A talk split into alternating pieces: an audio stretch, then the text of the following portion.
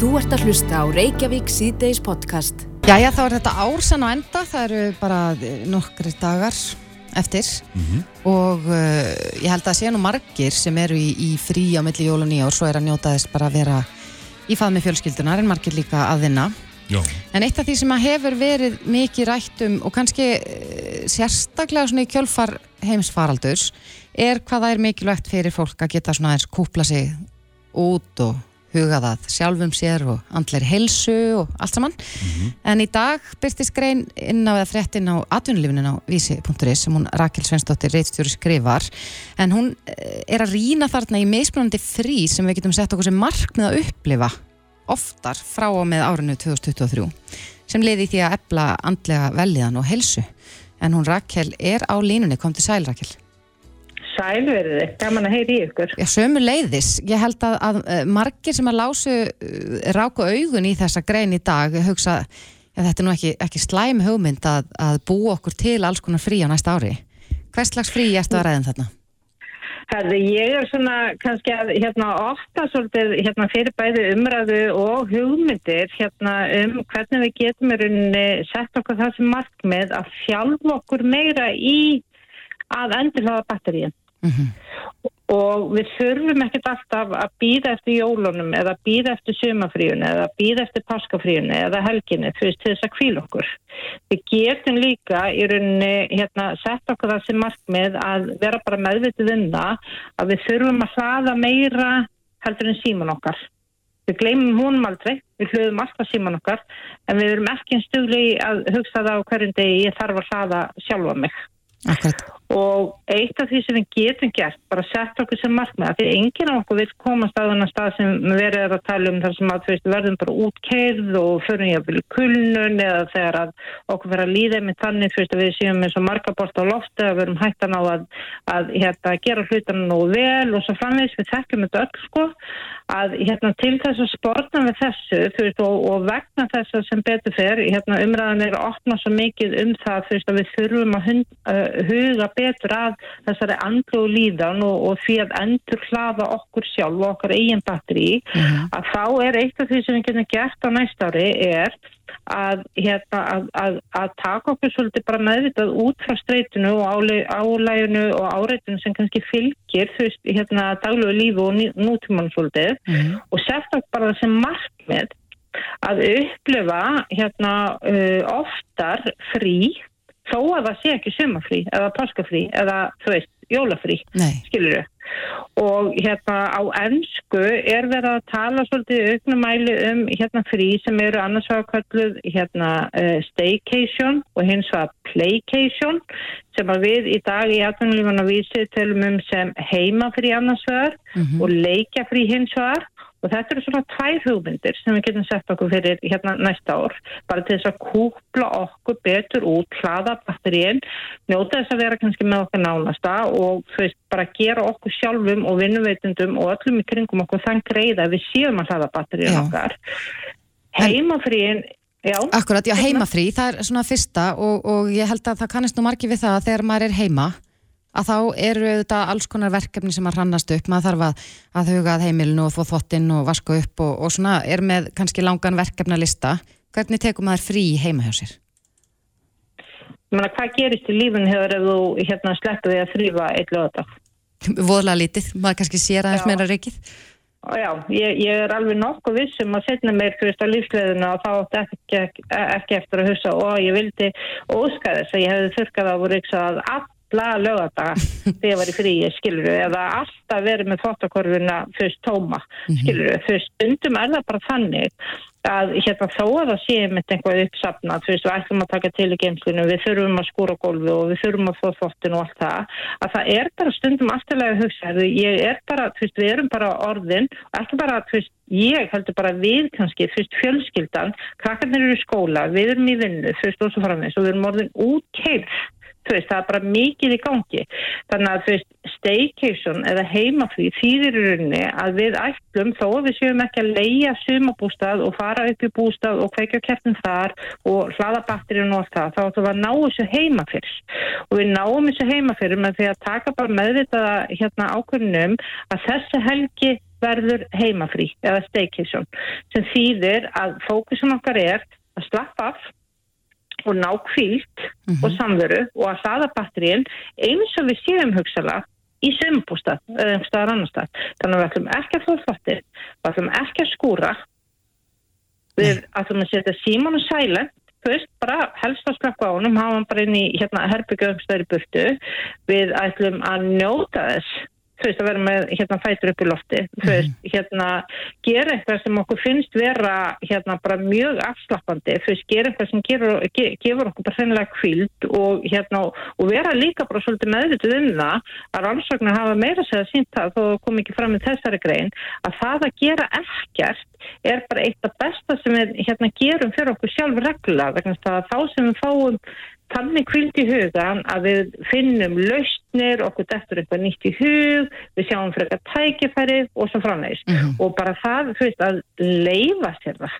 Þó að þessi lögadagur og þvottakvarvorn og, og hérna einhvað þurfa að þurka af eða eitthvað, að bara þú veist, nei, þessa helgina ættum við og krakkarnir, við ætlum bara að njóta þess að vera í kvild og bara vera heima og borða góða mat og vera bara svolítið lött og þú veist bara ákveðið kvöld, hvað viljum við gera? Viljum við spila? Viljum við horfa á hérna sjónvart? Viljum við leggja okkur í dag? Þú veist, viljum við lesa? Já, bara eins og maður hegða sér í sömabústað eins og segir. En, en, en leikjafrið, út af hvað snýst það? Leikjafrið er í rauninni sama markmið, þú veist, við ætlum veist, að, að hérna, bú okkur til frí, eða svona upplöfun af fríi sem að hérna, hliður batteríun okkar líka, því við vitum alveg hvernig það er að þegar við gerum eitthvað sem okkur finnst brjálaðislega skemmtilegt, bara brjálaðislega skemmtilegt, að það er það þannig, þú veist, við mætum okkur tilbaka okkur sem er í vinnuna eða heimið eða hvað, þú veist, bara alveg fíl allt, þú veist, bara hluð, náðum að staða batteríun þannig að við fáum bara ekstra kraft og pleikið í rauninni þýðir hérna akkurat það sama. Við ætlum að gera bara setja upp það sem markmið hvort það er eitt kvöld eða eitt lögadagur eða einn helgi eða einhvað að taka þetta leikja frí bara playcation mm -hmm. og persónulega reyndar, þú veist, er ég alltaf ros, rosalega sífan af öllum hérna hugmyndum, sérstaklega með barnafólk sem eru kannski hugmyndir sem þurfa ekki, þú veist, að kosta neitt skilur þú, veist, að tala um það við hérna krakkana, þú veist, herri, það er leikja frí um helginu, þannig að á lögadagin að þú að gera þetta sem getur verið allt frá því að taka sko, hérna einhverja óvissu ferð eða langan hérna gongutúr yfir því að krakkarnir eru útbúa einhverja síningu og það er síningum kvöldi sem við horfum á þú veist eða whatever, þú veist, gerum eitthvað sem er skemmtilegt. Það þarf ekki alltaf að kosta eitthvað. Þú veist, ef við gerum eitthvað sem að okkur finnst okkur nánast að það skemmtilegt að við upplöfum það sama og gerist þegar að hérna, við förum kannski og erum upplöfum eitthvað rosalega spennend eitthvað annar stað og svona finnum þess að næring sem við fáum og krafti sem við fá, fáum fyrst við það að vera endur það að batteríun okkar í gegnum það að gera eitthvað. Ja. Að því að stundum hlöðum við batteríun með gleði og stundum hlöðum við batteríun með hérna kvilt. Akkurat. Þetta hljómar allavega frekar einfalt, þetta er eitthvað sem maður getur gert heima fyrir og þarf ekki að kosta uh, mikla peninga, þetta er ekki eins og að, að skella sér í fjölskylduferð til tenni til þess að hlaða batterín. Þannig að, að þú mælir með þessu á nýjári. Ég mæli bara með því, þú veist, við séum að gera meira heldur en það er bara fínt mál að setja sér það sem margt með að parakanskipti tenni eða eitthvað annað, þú veist, sumafríðinu, þú veist, gerum eitthvað í sumafríðinu auðvitað, en við þurfum ekki að býða alltaf eftir sumafríðinu, þú veist, við þurfum í rauninni bara fyrst og fremst að hugsa, ok, ef ég man eftir því að hlaða síman minn á hverjum degi, mm -hmm hvernig ætla ég árið 2023 að muna eftir því að hérna á hverjum degi og reglulega með einhverjum fríum að hlaða batterið mín þannig að við séum ekki að kaffar okkur í vinnu eða álegi eða áreiti eða þessum hlutin sem á endunum meika ekki, þú veist, alveg diff, þú veist, Nei. með botakörfun eða skúringar þegar áreinir setja meir, sko. Akkurat, ég held að þetta sé bara mjög góð skilabóð svona í loka árs, þannig að fólk getur farið að huga því hvernig það kemur þessum já, annars vegar heimafríinu og svo leikjafríinu fyrir á nýjóri, en Rakel Sveinsdóttir reittstjóri Atunlífsins á Vísi. Kæra þakki fyrir þetta og gleðilegt ár. Takk sem leðis og gleðilegt ár.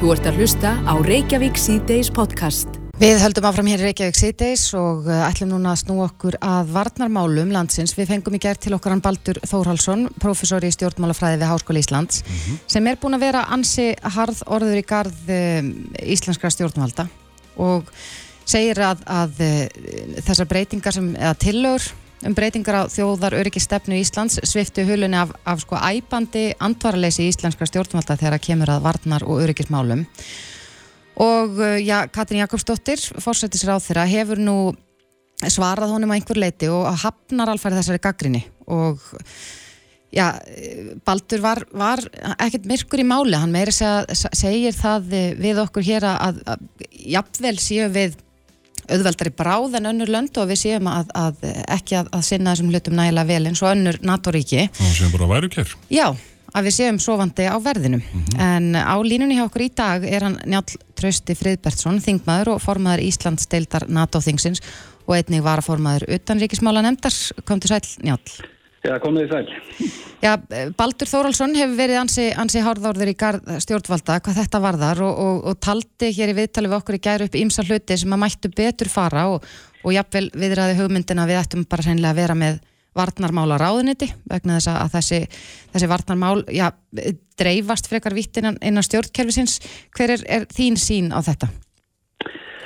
Já, við bara fínt og gott að Baldur er að benda á og mikið vægt að ræða þetta og, og fara efnislega gegnum þetta. Þetta er, þetta er gríðarlega stór og mikilvæg málflokk mm -hmm. og, og hann snýstir um lögum bara já, grunn gildi framkvæmdafarsins er náttúrulega að, að verja tegnana, tegna landsins, íbá landsins og þetta lítur ofta að vera þessi grunn skilda en síðan getur við kannski að úttala með eitthvað um það núna, það er bara gaman að taka þessu umræðu. En, en, en eh, við erum náttúrulega með mjög smátt stjórnkerfi. Og uh, kannski þegar við erum að líta til nágrannaríkjana sem eru með eigin hér og, og eigin vardamálar á þeirra þá eru kannski 20 og yfir 20 ráðherrar.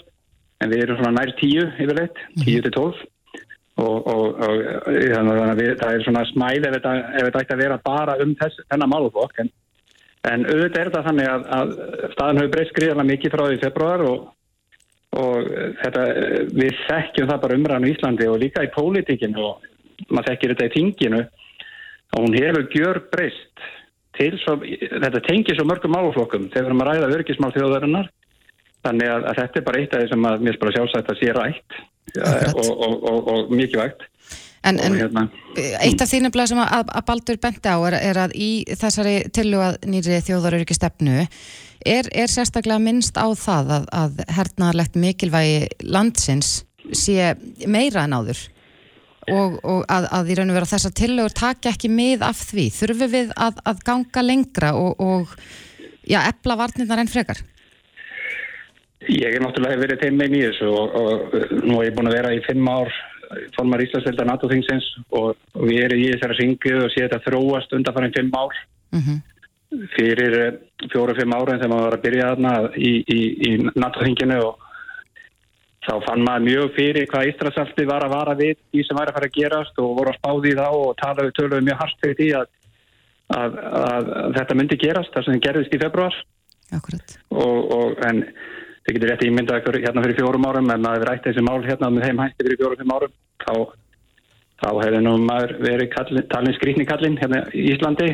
Og, en umræðin hefur þróast mikið og við erum öðrum stað heldur um voruð þá. En ég get alveg tekið undir þau sjónami hjá Baldri og hans gaggríni að, að uh, við höfum verið á værukjær og þurfum að ræða þetta með miklu meiri og öflöru hætti. Og ég er reyndar hef verið, þetta hefur verið með allt öðrum hætti núna þessu, þessu ári og, og í haust kannski sérstaklega og auðvitað eh, þegar vorum að ræða yngöngu finna og svíja inn í NATO og sambygtum fyrir okkar leiti þá yngöngu í jóni þá náðum við töluður umræðin. Umræðin er búin að vera miklu betri, þetta er núna við þekst aður mm -hmm. í minn sko sem mjög langan tíma en ég klálega sem fór með Íslæktaði NATO þín sem var að formaður utveikismálnefndar finnst aldrei nóg tala um þessi mál en þannig erum við bara að tala um grundvata mál landsins bara fyrir já, stjórnvöld já.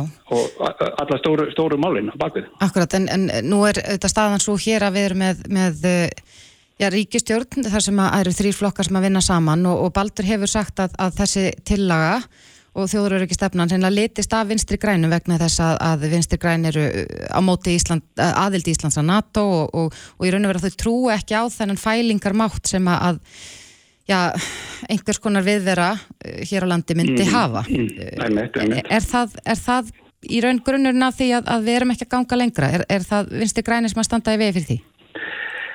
Ég held að sé nú, uh, ég held að það er náttúrulega ljóst fyrir að þetta er það þannig að, að, að í stjórnarsamstæðin sem við erum með núna og, og þannig mikið var flokkur og sem fer í fórsætti fyrir ríkistjórninni að þetta hefur það mikil áhrif á alla umræðum en ég finn fyrir því í þinginu almennt yfir, yfir þingflokka og, og þingmenn að menn, að- eða þingmenn hafa miklu meiri áhuga á þessum málum heldur en gerðu fyrir ekki mörgum missunum síðan og, og almennt umræðan kona allt annan stað heldur en var hérna fyrir, já, fyrir að hitti fyrir að, eða hvað við maður fara langt aftur.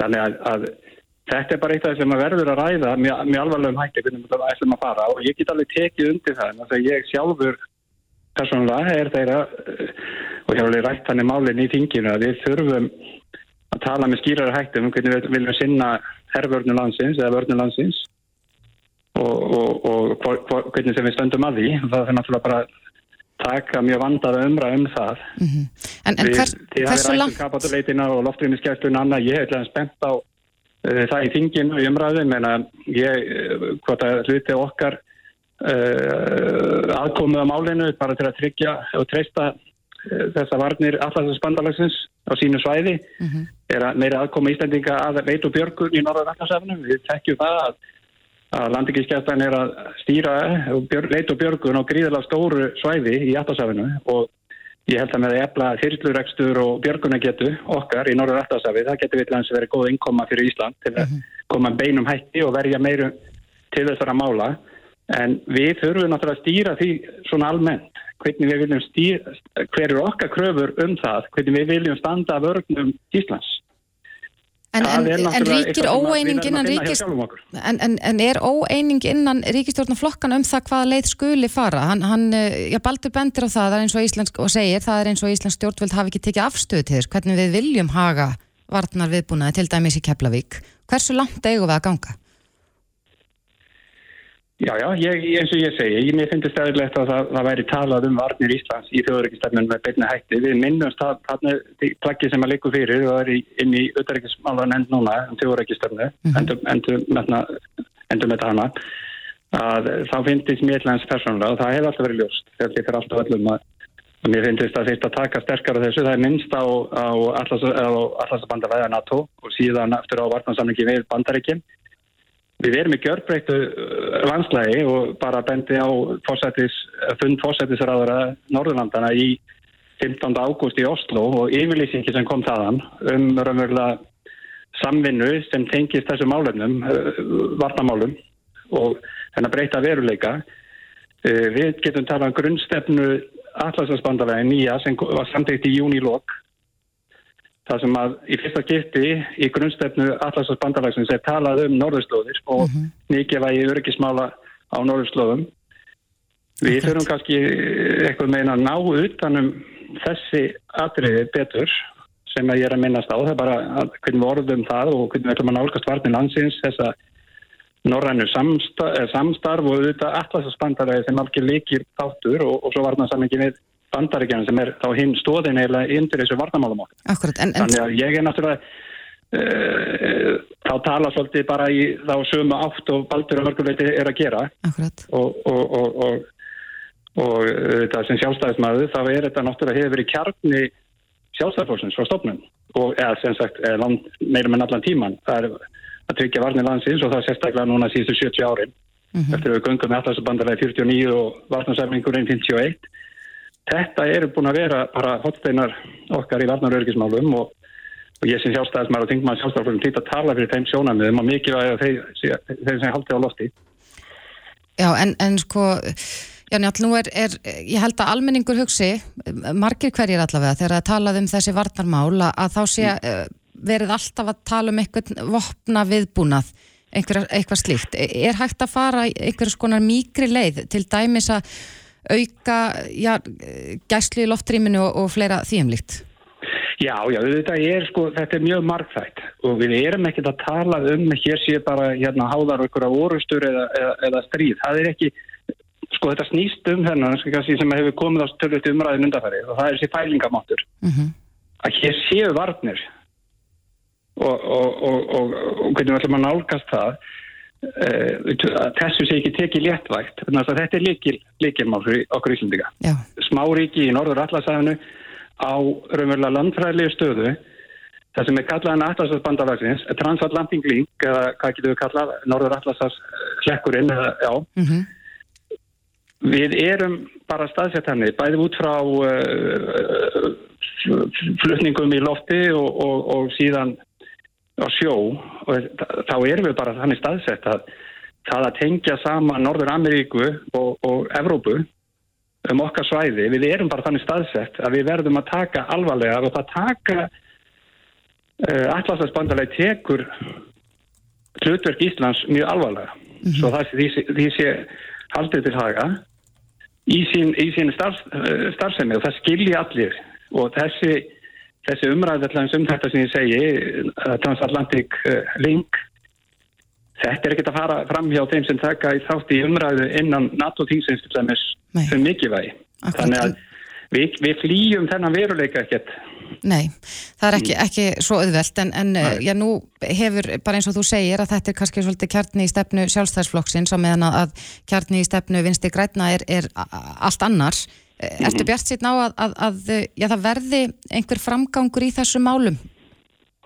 Ég er full að trúa því að, að, janúarminni nýtast vel inn í þessu umræðum og hvernig við ætlum að uh, ná góðri sátt um þessa luti. Ég held að við séum ekkert langt frá því og það er verðið líka að taka það fram og það er mjög margt gott í þessum eh, endumettinni þjóðarauki stefnu sem við erum að vinna með núna frá mm -hmm. stefnunni fyrstu 2016 og, og bæði veðri 2019 í desember og veðrið hefur kent okkur mikið, Úkrænsfyrir hefur kent okkur mikið, neturíkismál og annað og svo umræða. En þetta er kannski það sem er uh, svona það stæðsta sem gengur út af og er bara fyrir mér er þetta mjög stórt og mikið öllmál.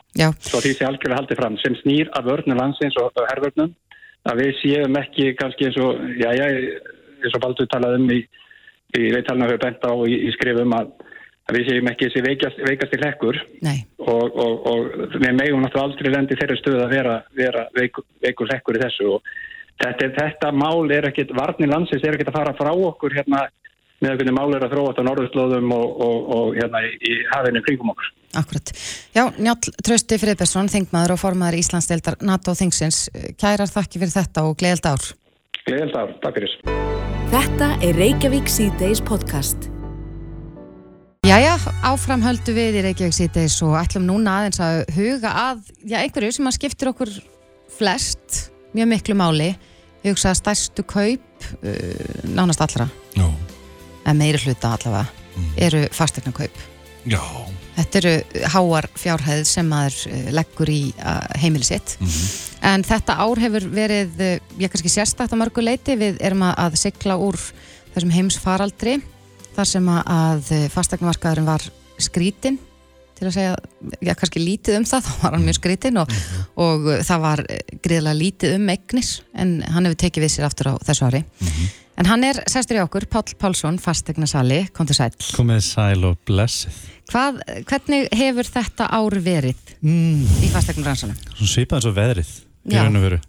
Það er má eiginlega tvískipta þessu ári. Það er veru frá janúar og fram í ágúst og svona frá ágústu til dagsins í dag, í raun og veru.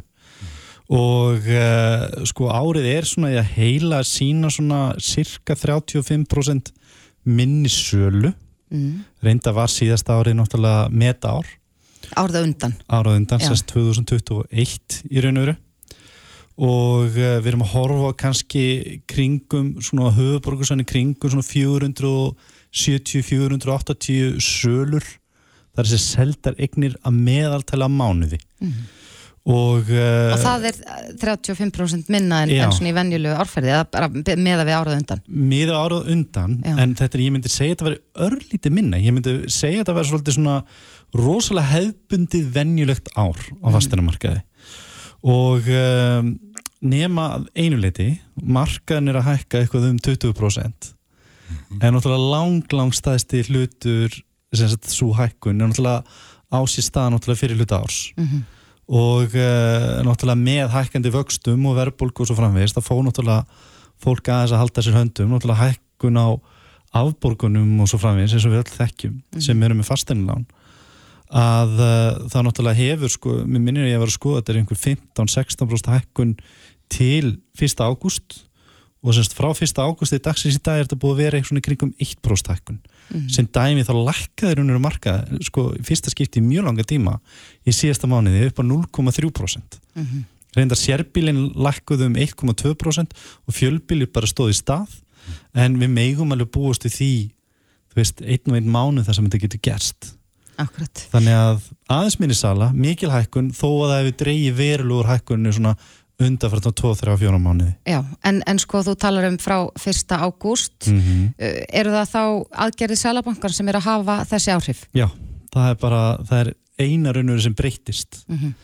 og ég segi bara sem betur fyrr, þú veist, þetta er þetta er uh, aðgerði sem allavega bendir allt til þess að hafa verið að hefnast í raun og veru, vegna þess að við viljum ekki verið að sjá hérna 20% hækkun á fastanum verið á hverju ári Nei, og það er heldur ekki heilbriðt, við viljum sjá svona fastanum verið hækka svona svipa á launin okkar.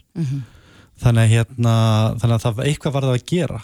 Akkurat. En það er líka oft talað um það að, að nú hefur við verið að ræða já, leigumarkaðin gríðarlega mikið mm. undarförnu sem er ansi harður heimur. Mjög svo. Um, allavega með að við fréttaflutning. En uh, já, það eru margir sem að ná ekki að Nei. komast inn á fastegnumarkað og ef að við erum alltaf að sjá 20% hækkun á hver einasta ári að, að þá Einmitt. er þetta bara ógerningur fyrir uh, stóran hópa fólki Já, já, og það er náttúrulega nú eru líka búin að horfa að það að leiguverð hefur hækkað alveg óbáslega mikið, Mhm. bara í síðasta mánuðin 2% sem er mjög mikið Já, þannig að hérna þannig að þetta gerir það verkum að að það verður erfiðara að fyrir fólk sem er að leigumarka og komast inn á inn á eignamarkaðin, raun og verið geta sapnað og lagt til hlýðar og svo framvegis. En uh, og líka náttúrulega það eru aðra reglur ekki bara vextir sem hækkuðu, náttúrulega voru með til dæmis takmarkanur af því þess að ákveður hlut allar launum sem að má ekki fara upp fyrir af áborganir skiljið, það er með að segja þú varir með segjum bara 100 skrún útborgað það mátt ekki borga af láni meir en 35 skrúnur já, það er þessi mánuði. 35% regla sem að, Sælabankin sett á Já. hefur, hefur þú heyrt það svona í þínu starfi að þetta já, komi uh, sér illa fyrir fólk?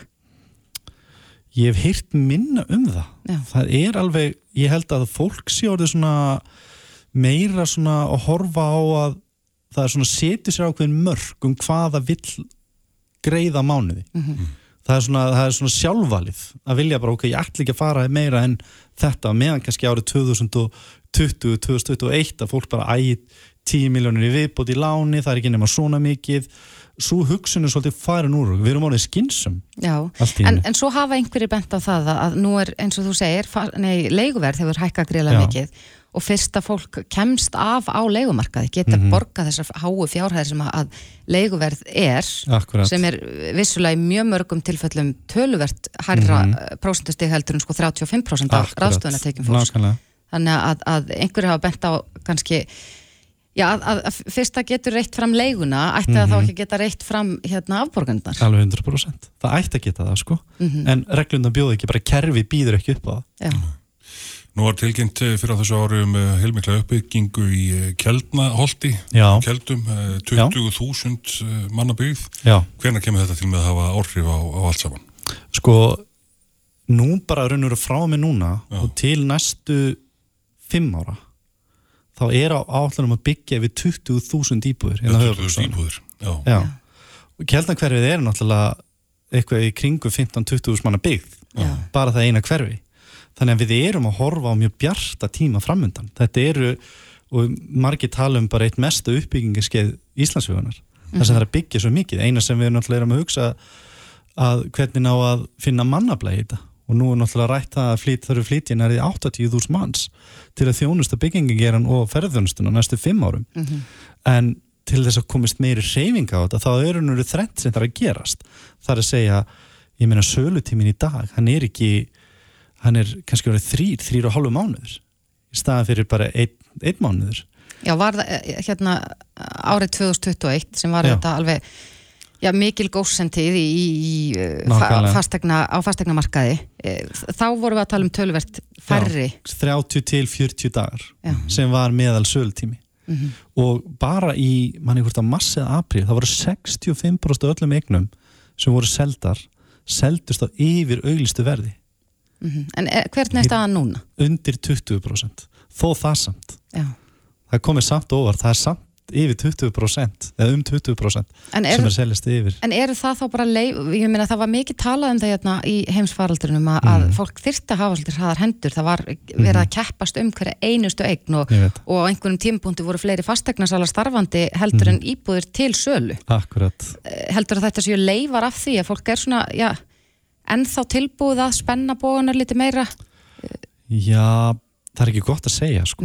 Í dag upplifið kaupendan sko rosalega rólegan Mhm. hann kannski ringir, mér langar að skoða þessa eign og ég er að skoða hérna fjóra-fimm aðrar skilur, og Já. menn er kannski alveg sama þó að missa einhver eign, það er önnur sem kemur á staðinn Mhm. þetta er svona eins og maður segja, þetta er svona næstu því fullkomi jafnvægi, að það geta allir keift í dag, það geta allir selt og, en það tekur bara tíma það er bara svona þólumæði og þannig mun svolítið markaðurinn verða sé ég fyrir mig næstu svona 1-2 árin allavega. Nú eru áramótin framundan og það er náttúrulega að verða alltaf einhverja breytingar á, á áramótum. Já, Eh, Er eitthvað sem að fólk þarf að hafa í huga? Er eitthvað sem er að breytast varandi fastegnarkaup núna um áramót? Eh, ekki saman til kaupin, náttúrulega fastegna gjöldin og náttúrulega var í fréttunum í gær að fastegna gjöldin í Reykjavíkuborg til þess hækkar töluvert. Já. vegna þess að fastegna mati er náttúrulega tengt við fastegna gjöldin, bara ákveður hlutvalla fastegna matinu en flest ef ekki öll sveitafélugin hafa ákveðið semst að lakka prósunduna þannig að fastegna gjöldin hækki ekki nema það Reykjavíkuborg þannig að það er kannski eina breytingin. Að Reykjavíkum munu þurfa að borga meiri skatta til borgarinnar. Akkurat. Þannig að, en ekki saman til kaupin, nei, það er ekki slíkt. Nei, en, en eh, já, nú vorum við að tala um uh, hækkanir á þessu ári, hvernig Mhm. verður næsta ár? Sko það er allir þessi stóru greiningar aðlar, það er að segja bankarnir, uh, þeir eru að spá svona frá 0 og upp í 5% hækkun, það er engin að spá lækkun á markaðanum, þannig að hann verður óbærslega stöður, þannig að við munum sjá einhverja mánuð þessi markaðanum fyrir upp eitthvað aðeins, einhverja mánuð þessi markaðanum fyrir niður, hann verður bara svona stöður, en til dæmis landsbankin spáður held í 5%, 4 eða 5% hækkun. Og uh, ég er bara svolítið sammálið þeirri spá, þetta er ekstra bílinu 2-5% Akkurat, er, það, er það ásættanlegt svona ef, við- ef við lítum til lengri tíma? Meina, við viljum, eins og við tölum, við viljum ekki sá 20% hækkun á hverjum stafi. nei, og við höfum séð yfir sko tæplega 10% hækkuna meðaltali frá aldamótum. Já, 9,6% og við sáum þetta til dæmis 2015-16 þar sem við sáum óbærslega hækkun fyrirgefið 2016-17 svo 2018 var um 3% hækkun og 2019 var um 2% hækkun þannig að tímandi framundan minna rosalega mikið á 2019 og 2018 akkurat. þannig að 2023, 2024 og 25, 26 þó ég sé ekki alveg með sömu kristalskúlu og Nostradamus Nei, nei, en þá Nánast. kannski sjáum við aftur þá erum við náttúrulega komin að sjá vexti og verðbólgu vonandi, vera svona eðlilega. Launin hafa hækka þau hækka alltaf um 6-7% á ári. Og uh, þá, þá munum við aftur sjá kannski, kannski ekki alveg 2021 hækkun og 2022 hækkun en munum þá sjá kannski eitthvað stærra bílinu 10-15% hækkun. En þetta eru bara allt spár akkurat. En já, talandi um að vera að spá og kristalskúlu, við náttúrulega vitum ekkert hversu lengi þessar reglur Sælabankans verða uh, við líði, en uh, heldur þú að, að markaður að muni, við segjum sem svo, að, að þessi 35% regla verði afnumin, mm. heldur þú að, að markaðurinn taki kipp þá? Nei, ég held að markaður muni taka kipp frekar að vera að sjá læri vexti uh, fólk er mjög sjaldan hvort þið er að fara við 30-35% af sínum ráðstöðunum tekjum í að greiða láni, hvort þið er. Þannig að þetta var ekkert mikið, þetta var bara settu sem ákveðin varnagli þannig að við hefum ekki lent í sama og gerist þetta um 2007-2008 þannig að það var, en það reynir mjög sjaldan á þetta bara vegna þess að þannig bara virka markaðurinn. En ég held að markaðurinn mun ekki taka alvöru kiff fyrir sér, það er að segja sölutímin verða hraðari og verði mögulega að fara, fara í gang að hækka aðeins með meira takti ekki fyrir vextir og verðbólga að fara að lækka Akkurat, já, það verður spennandi að sjá hvernig næsta ár verður á fastegnumarkaði. Pál Pálsson, fastegnarsæli, kæra þakki fyrir komuna og gleðilegt nýtt ár. Takk fyrir mig og sumi leiðis. Þetta er Reykjavík C-Days podcast. Jæja, í gær voru við að tala um flugvelda og hann kom til okkar, Þorstein Þorskelsson, stjórnarmadur í Slísavarnafjallinu Landsbyrgu og nefndarmadur í flugvelda nefnd og uh, já, við vorum til dæmis að tala um, um hérna, verðhækkanir sem að uh, verða núna á flugveldum mm -hmm. en vorum líka eins að tala um umhverfismálin. Og uh, á undanförðum árum hefur þessi umræða orðið háværari og kannski fleiri sem að ef kjósað skjóta ekki flugöldum út af sveifriksmengun og, og, og uh, já, umhverfis áhrifunum já. sem eru uh, fylgja þessu. Mm. En hann bent okkur þó á það að það hefði verið, já hafa verið tekin í mig skref svona í, í þá átt að gera flugölda umhverfisvætni eins og fjarlæga þungamálma og, og minka plast og fleira í þeimdur. En hvati okkur öll til þess að já, horfa á þetta í svona stóra saminginu hvað, hvað umhverfis og loftslagsmál varðar mm -hmm. að eh, já, þessi flugvelda sem við skjótum upp á, á gamláskvöld uh, skoða það svona í samanburði við aðra mengun sem við sjáum nú bara alla jafna. Já.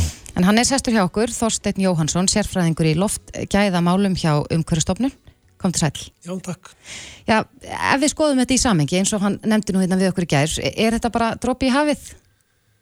Já, það er góð spurning og, og svona til að staða því ætla ég kannski að vera svona smá formóla til að útskýra hvað skiptir máli að skoða mm -hmm. til að mhm. menn svona átti sig á stóra samhenginu og það er svona tvennskonar mengur sem er oft í umræðin, það er oft talað um lofslagsmál og losungur og loftegunda og það er eitt og svo líka tala, svona talað um lokal loftmengun staðbyndu loftmengun er efni mm -hmm. og það er svona mismöndur hluti sem skipta máli eins og fyrir uh, eh, það skiptir raunin ekkert máli hvar í heiminu það er losaður Nei. Þetta eru langlífar, langlíf mengunarefni hafa kannski viðveru tíma upp á ár eða ára tíu andurslóftinu eins og smetan. Mm -hmm.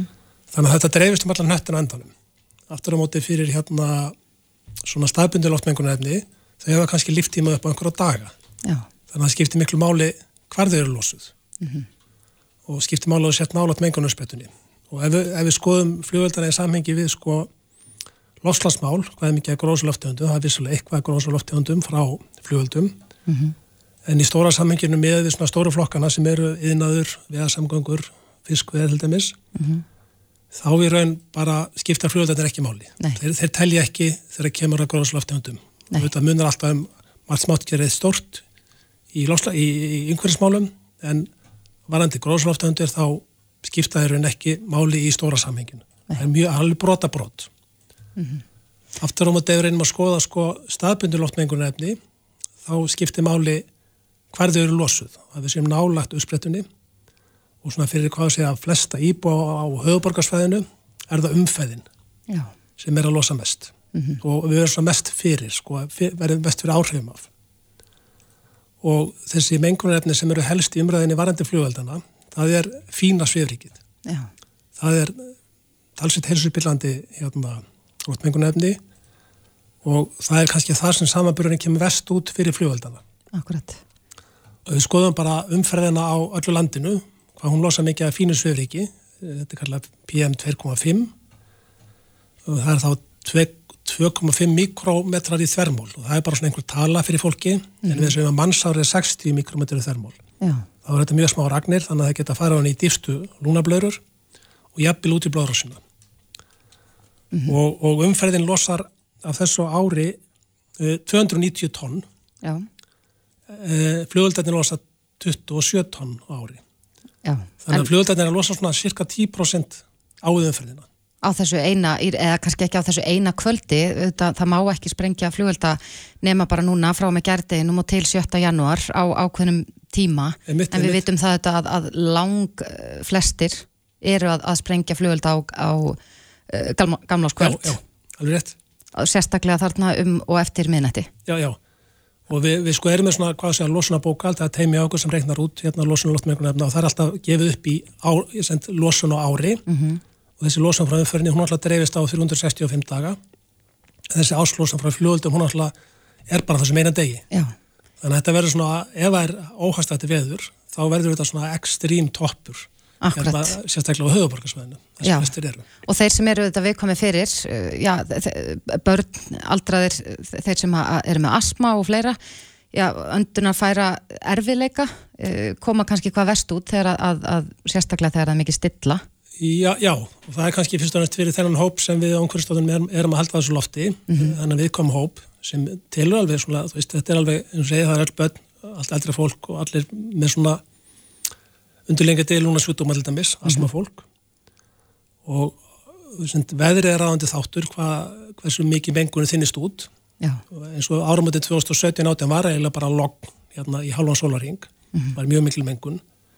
Og þá sko bara á nýjasnótt komu sko 15 manns á bráðmáttöku bara í, með öndunarðilega og það er kannski toppurinn að ísækanum að þessu viðkvæma fólki.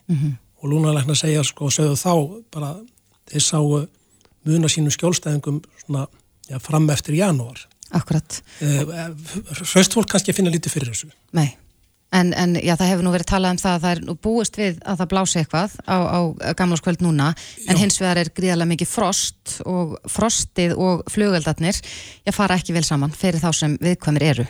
Já, það er samt fyrst og fremst vindur sem ræður, oft ef það frost þá er oft logn en ekki alltaf. Nei, Þannig að með hvernig veðurspán er þá býst ég ekki við mikil mengun, þetta þinnist jafnóðum út. nei.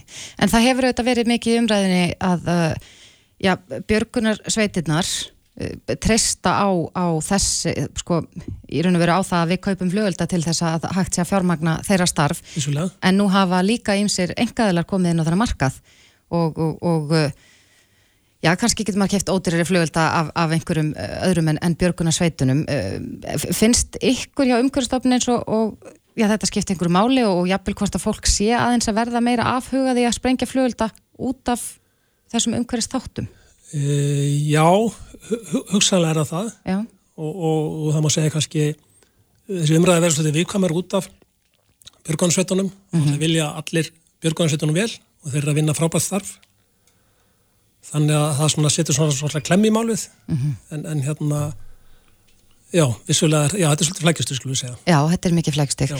en, en þið voru nú að hvetja uh, fólk til þess að halda umhverfisvætni áramót einleiðin var að, að öskra gamla árið burt heldur að það muni fara á flug? ég, ég, ég veit það ekki Nei, Það þetta er á, komið ljós. ágæti spennulósun held ég sko Já, já, já, já. að bara garga svolítið út í lofti og það var nú frækt hérna í heimsfaraldri að það var auglýsinga herferð í gangi frá Inspired by Iceland þar sem fólk var kvart til þess að Já, öskra já, þetta er svona hugmynd sem var sett fram á TikTok í svona léttum tónu, þetta er líka svona svolítið hugsunni sko bara, er, er einhverja aðra samverustundir heldur um mm Já. fólk getur svona samanast um, um áramótin. Akkurat, en eins og hann sagði við okkur í gær að, að já, það væri búið að taka einhver skref í áttina því að, að flugöldarnir sem slíkir væru umhverfisvætni fjarlæga ymsa þungamálma og, og minka plast er þetta til bóta?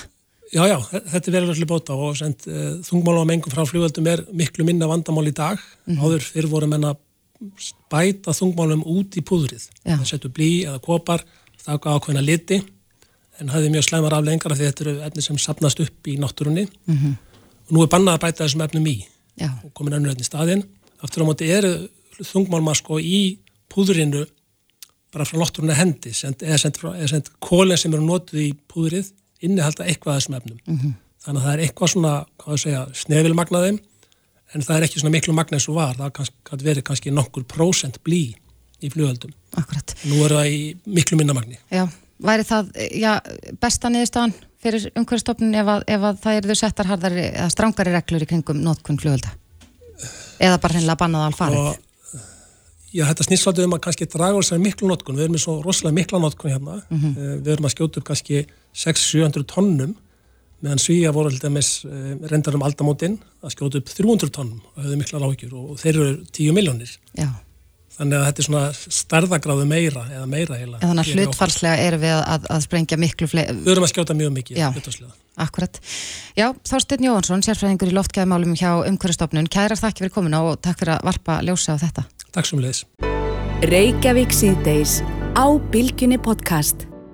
Já, já, við vorum að enda við að tala um uh, já, mengun og flugölda, en við ætlum að halda áfram að tala um flugölda en á bara allt öðrum fórsendum. Ég held að já, þeir sem eiga gæludýr Já. eru margir hverjir orðnir, já, farnir að skjálfa beinum fyrir uh, gamláskvöldi. Já, já, svo ekki sér talað um bara dýrin sjálf. Já, Akkurat, þetta getur verið mikið, mikið erfitt kvöld fyrir mörg dýr. Já, já, og ekki bara þetta kvöld, þetta er líka nokkur kvöld bæði fyrir og eftir. Ég, ég verð samt að segja það, já. að já, ég er vön því að, að fólk sem byrjaði að sprengja upp svolítið snemma, mm -hmm. ég hef ekki ennþá séð neitt sprengja neitt. Nei. Það mátti byrja í gær, já. en enn sem komið er hef ég ekki orðið verið við neitt, en, en já, það er eflaust einhverjir sem eru byrjað að sprengja. Já, já. En á línni hjá okkur er hún Hanna-Maria Arnósdóttir, dýralæknir á dýraspítalunum í Garðabæ. Komdu sæl, Hanna-Maria. Sælverið. Já, þetta er orðin árlegu viðburur hjá okkur að ræða við þig, en, en já, mikil þörf á. Er Já. þetta há annað tími hjá ykkur? Uh, á vissan hátt, já, þá eru hátíðarnar alltaf fær okkur svona, svona ákveðin verkefni umfram aðra tíma. Mm Það er, akkurat, en það er nú ekki bara uh, gæludýrin, hundar og kettir og, og fleiri sem að, að maður þarf að huga að það eru önnur dýr líka, Já, hestar til dæmis. já. Hver eru svona bestu ráðin fyrir þá sem að, að eiga dýr? Bestu ráðin er að reyna að fyrirbyggja að þau eh, sem sagt, eh, verði hrætt. Mm. Það er alltaf betra að vera með forvarnir heldur en að eftir á. Eftir að, að þau eru orðin hrættar erfiðar að, að ná þeim rólegum. Þannig að allt sem maður getur gert til þess að svona er að vera að byrja hljóðin eins og hægt er og, og gluggana. En svo eru náttúrulega þessar margar þessar tertar orðnar þannig að það kemur ákveðin högbil, högbilgja og stuð síðan að jarðskjáltar voru þannig að mörg dýr eru nú þegar orðin hrætt við svona hristing. Mm Þannig að þetta getur orðið svolítið strempið en að vera rólegur sjálfur og gera það sem maður getur, hafa nóg mat hjá þeim og útvarpið á hjá hestónum í húsinu ef þeir eru þar, hafa þau að túnum nærri eða taka að margir hesta komir inn. nákvæmlega. Og talandu það, talandu það eh, með músík eða, eða útvarp er þá eh, kannski æskilegt að hafa þetta dálítið vel hátt styrt. Já, það getur verið svona, svona, svona white noise sem maður getur svona tekið kannski megin, megin forran af, af þessum bombum eða verður svona allavega ekki eins ábyrrandi. En hí- dýrin náttúrulega heyra náttúrulega langt um betur en við og greina hljóð og, og hérna vinna úr þeim hljóðum hvort þau eru hættulega eða ekki þannig að það virkar svona misvel en hjálpar í flestum tilfellum einhverju liti. Ég var nú að segja hérna frá því áðan Hanna að, að ég var að tala við vinkonu mína í dag sem er að, á hund og hún er að fara að, já, tíkin er að fara að upplifa sín fyrstu áram og hér í höfuborginni. Í fyrra þegar hún var lítill korpur þá flúðu í sveitina. En, en eh, já, þau sem að, eiga þetta dýr, þau eru reynilega bara á uh, nokkurs konar bakvakt á áramóturum út af því að það er náttúrulega engin leið að vita hvernig dýri muni bregðast við. Er hægt að undibúa dýr með einhverjum hætti? Sko það er óseint að gera það núna. Þú erst náttúrulega komið bara tvo daga í, í hérna helaheitin en þú getur nokkula að sé það kannski yfir sumarið eða haustið eða það er- koma svona kvellir eða oftur einhverju eru að sprengja þegar að fótballtaleikir eru eða það er að spila þetta útvarpi eða sagt hérna í hérna komur að segja heima. Mm og sé svona hvernig þau bregðast við það er óskup eðlilegt að heyra eitthvað það er líka óskup eðlilegt að þeim verði brugðið. En ekki þannig að þau verði svo hrætt og hræ- hræðslan verði svo sjúklega að, að þau bara þóra ekki út í marga dag og eftir. Já, þannig að reyna ef að, ef að hræðslan grýpur sérst, að, að dýrin verði mjög hrætt að, að búa þá til þannig aðstæður að, Já. að reyna að róa dýrið eins og mögulegt er til þess að þetta hafi ekki bara langvarandi áhrif. Ég hafa þau það á þeim stað í húsinu það sem er kannski minnst þjóðbært og, og allavega ekki það sem að blóðsatni koma inn. Uh, hafa þessa tónlist vera hjá þeim, ekki skilja þau eftir einn ef þau kjósa að leita í felur eins og hundar gera og kettir ekki vera að þau, ekki hafa vit fyrir þeim ekki senda þau út að pissa eða draga þau út að pissa eða draga þau eða þau vilja ekki fara. Þetta er bara svo tími þar sem að þau finna sjálf út, nú er sjans að fara. Menna, allir leita í skjóli eða eru hrættir og þú tekur það möguleika af dýri þá ertu strax búin að gera verra. Þannig að ekki, ekki vera hrætt þó að dýrið leit undir rúm og, og það hefur bara vatni hjá því og þau koma fram þegar þau finna þetta engar gengið. Nú gerist oft að uh, týr er að það týnast á þessum uh, ástíma, kannski eru á einhverju flandri, Eh, hvað á fólk að gera sem að sér dýr? Er einhverju vakt sem að hægt er að hafa sambandið, er það bara lögreglan? Já, það er lauruglan og það er á vakt og svo er dýrfinna það samtökin sem að sem sagt, eru sjálfbóða samtök sem að hægt er að láta vita og þetta net sem er komið upp er alveg gífulega uh, þar sem að fólk uh, lætur vita að hundur hefur uh, eða köttur hefur týnst og þá eru bara bóstar sagt, hér og þar um bara í raun og veru um allt Ísland sem að fara í gang með það að setja upp kerfi til að leita. Uh -huh. Það líka getur verið varasamt að nálgast hrættan hund til þess að hann er ofsarrættur þá sér hann bara enn eina, ef hann er að flýja þig, ekki eldan, þú getur aldrei hlaupið upp hund, þannig. Uh, þú þarfst að frekar að reyna að lokka hann til þín eða minnst að sjá hvert hann fer að fylgjast með uh mhm. -huh. og, og, og leita þá til og með síðan á síðu hundarsamfélagsins þar sem þetta byrstist oft fyrst. Uh, og þar kom oft símanúmer sem hættir að hafa samtand með eigundur og, og ná í þá. En ef þú nærð hundi eða nærð ketti, að taka hann þá inn í skjól og fara sumuleið, við viljum að vita að það hafi fundið hans. Akkurat. Mm -hmm. En, en eh, já, nú hefur oft verið talað líka um, um liv á þessum ástíma. Eru, eru margir gældýra eigundur að gefa dýrum liv til þess að komast, já bara hennilega í gegnum þetta kvöld?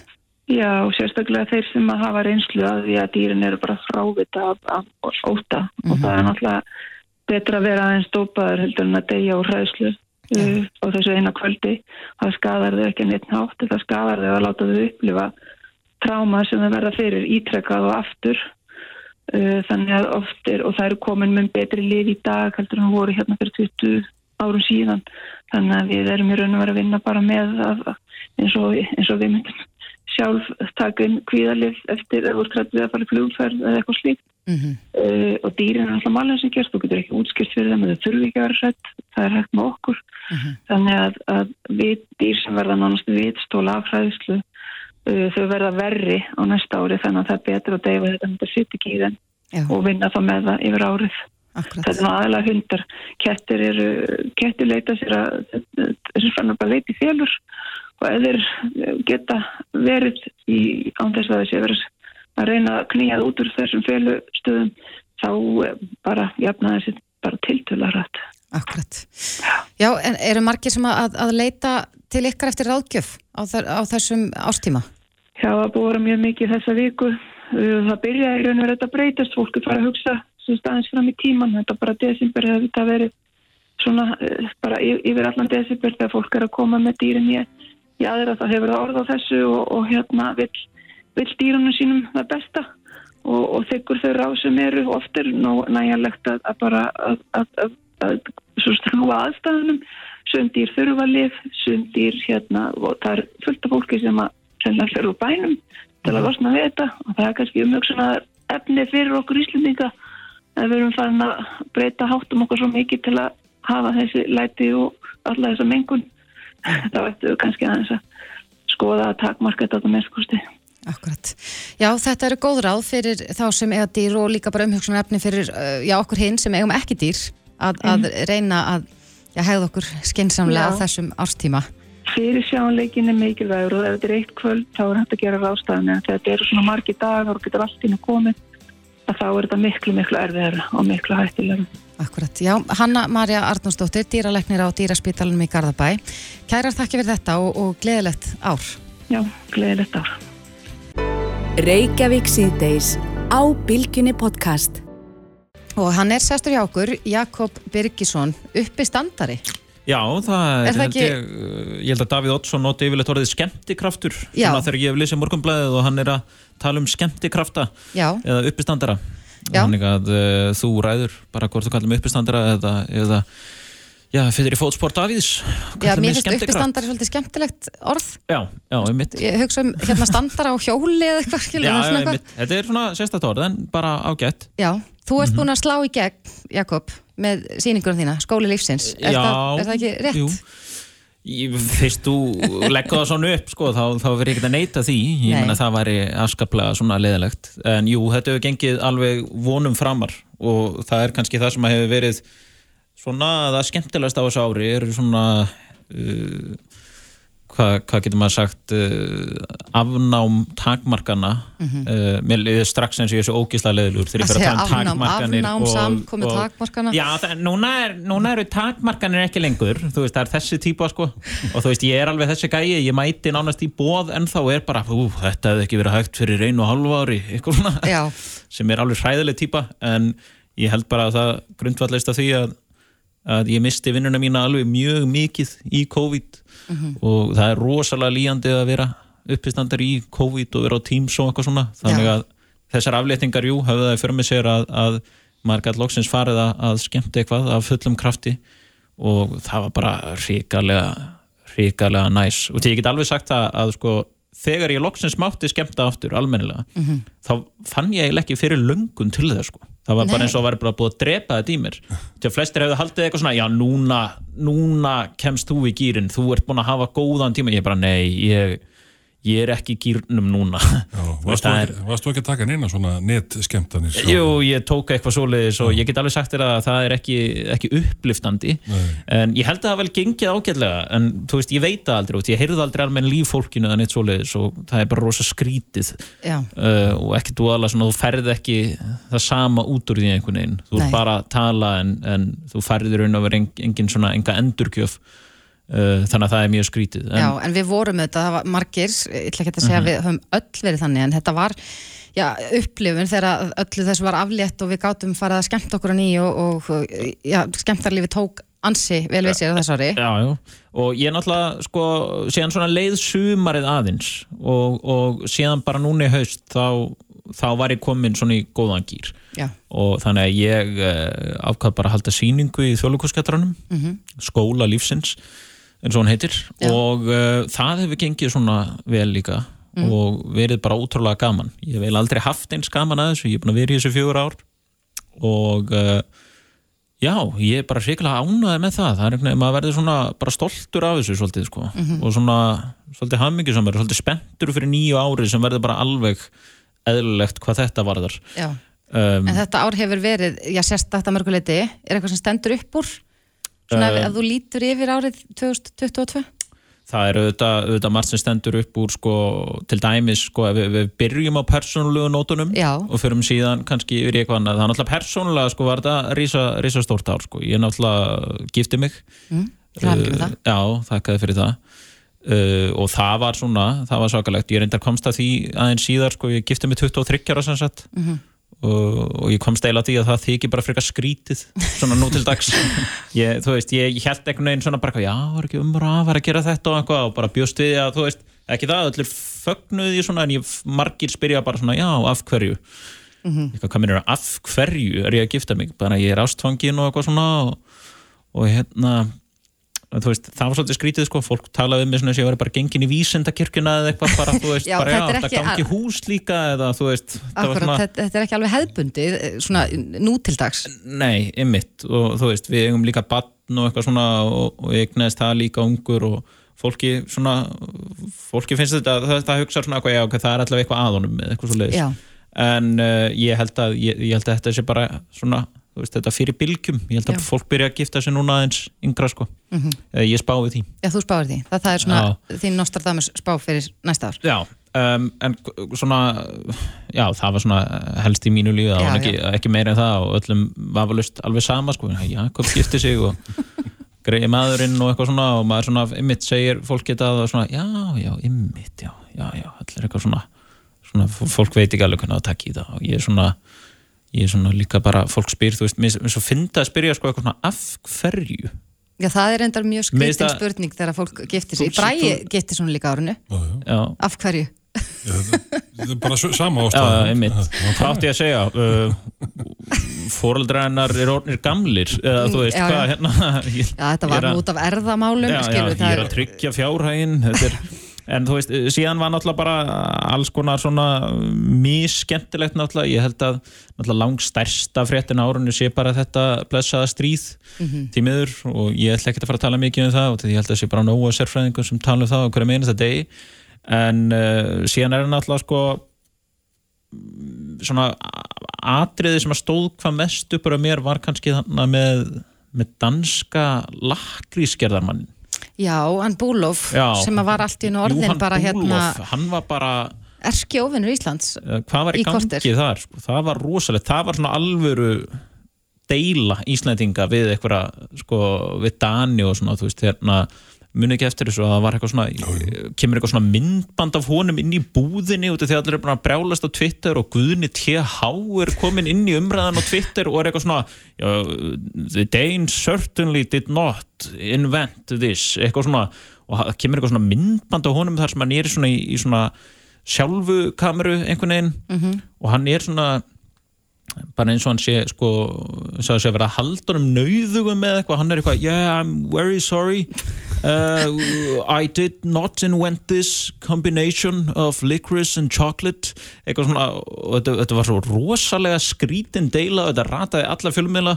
og Íslandingar hafa ekki orðið að brjálaðir í langan tíma yfir þessu, ég veit ekki alveg hvað annað svona Hvað, hvað er annað svona sem Íslandingur eru brjálaðir? Ég, sko, við vorum náttúrulega, við vorum brjáluð út í Dana út af einhverju fótbolta Nei, út af handbóltanum. handboltanum, já, já, þeir já. töpuðu einhverjum leik, var það ekki þannig? Þeir töpuðu viljandi, heldum við. Já. já, ymmit Þannig að kannski er það rót, rótin og svo kemur þetta lakrísmál ofan á það Danir og... hafi ekkert verið óvalega ofalega á lista hjá menni en síðan alltaf sko Elisabeth Drottning lést líka sko Mhm.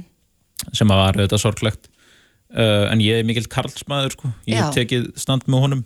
Mhm. þannig að ég er rosalega spenntur að að fylgjast með honum í starfi. Loksins komið að honum, segja margir. Já, loksins kom með honum uh, og ég held að hann verði bara flottur sko. Ég held að fólk með ekki, fólk verði að gefa hann fimm ár sko, þetta er þannig empati. Getur ekki bara dæmt einhvern út frá fyrstu mánu um eitthvað svo leiðis um, en síðan sko meðast rosa skemmtilegt uh, nýjungar með sér stöð 2 að loksins rættist draumur minn svona almennilega þetta hefur nú, hann hefur eitthvað gert þetta áður Magnús Línur fór svona farum landið já, fór svona þræða landið þannig að við fengum svona frábærar fréttir úr öllum veginn. Á mertum Og- bíl, þetta var frábært Já, sko, bílinn var skreittur með andlitinu á honum okkar ást, ástræla uh, Magnúslinni Já, og, og þú veist, það, það er svo rosalegt sko að hann til dæmis hérna var ekki verið að tala, heyrðið ekki hérna rétt áður en ég var laðið bílnum og verið að ræða eitthvað svona dýrahald og svona hérna áðan Jú, við vorum í- að tala við dýralækni um áramótin og, og, og sko- sprengjurnar Ég fíla þetta þess að Magnús Lína gerir dýrum hátt undir höfði hann Mhm. bara talar um það eins og fólk þú veist eins og það var hérna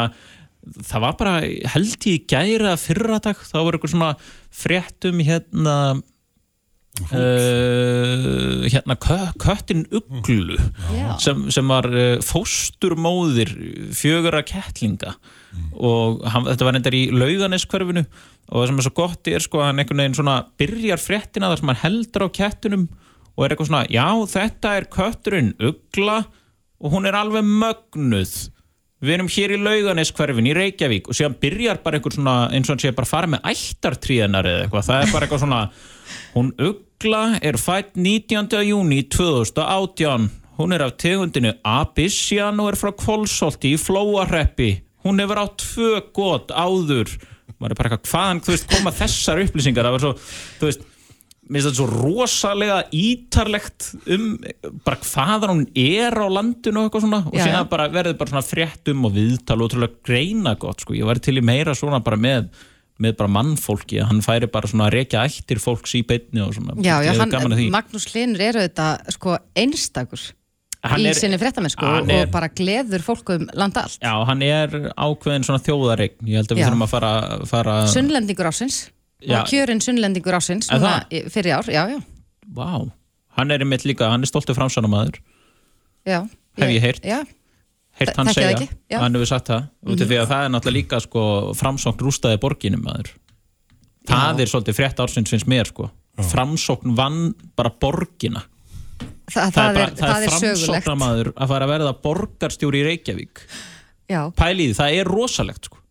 Það er svakalegt að það sé að gerast. Algjör, algjörlega, ég meina landsbyðarflokkur mikill. Já, já, það, þannig að það var svona svolítið uh, já, finnst ykkur það ekki frétt ársins? Jú, mér finnst það, ja, kannski ekki frétt ársins, Nei, jú, en en, ein af þessar, þessar hérna, sveitarstjórnarkostningar voru náttúrulega merkilegar Já. og, og, og mikið rætt um það hvernig, hvernig framsókn vann uh, þennan sko, lí- líka sko hvernig þeir eh, náðu að gera framsókn að svo verulega spennandi kosti fyrir ungt fólk á meðan að það er kannski ekki það hefðbundna fyrir framsókn hinga til. Já, að með Íslindur er líka fyndið sko, því að Magnús Hlynur er þekktu fyrir að vera bara svona veist, hann er bara svona frekar næs við alla sko, Mhm. og ef hann bara svona, hann spyr að einhverju og einhver bara svarar og það er alveg saman hversu óskýrt svarið er, þá segir hann bara þar höfum við það.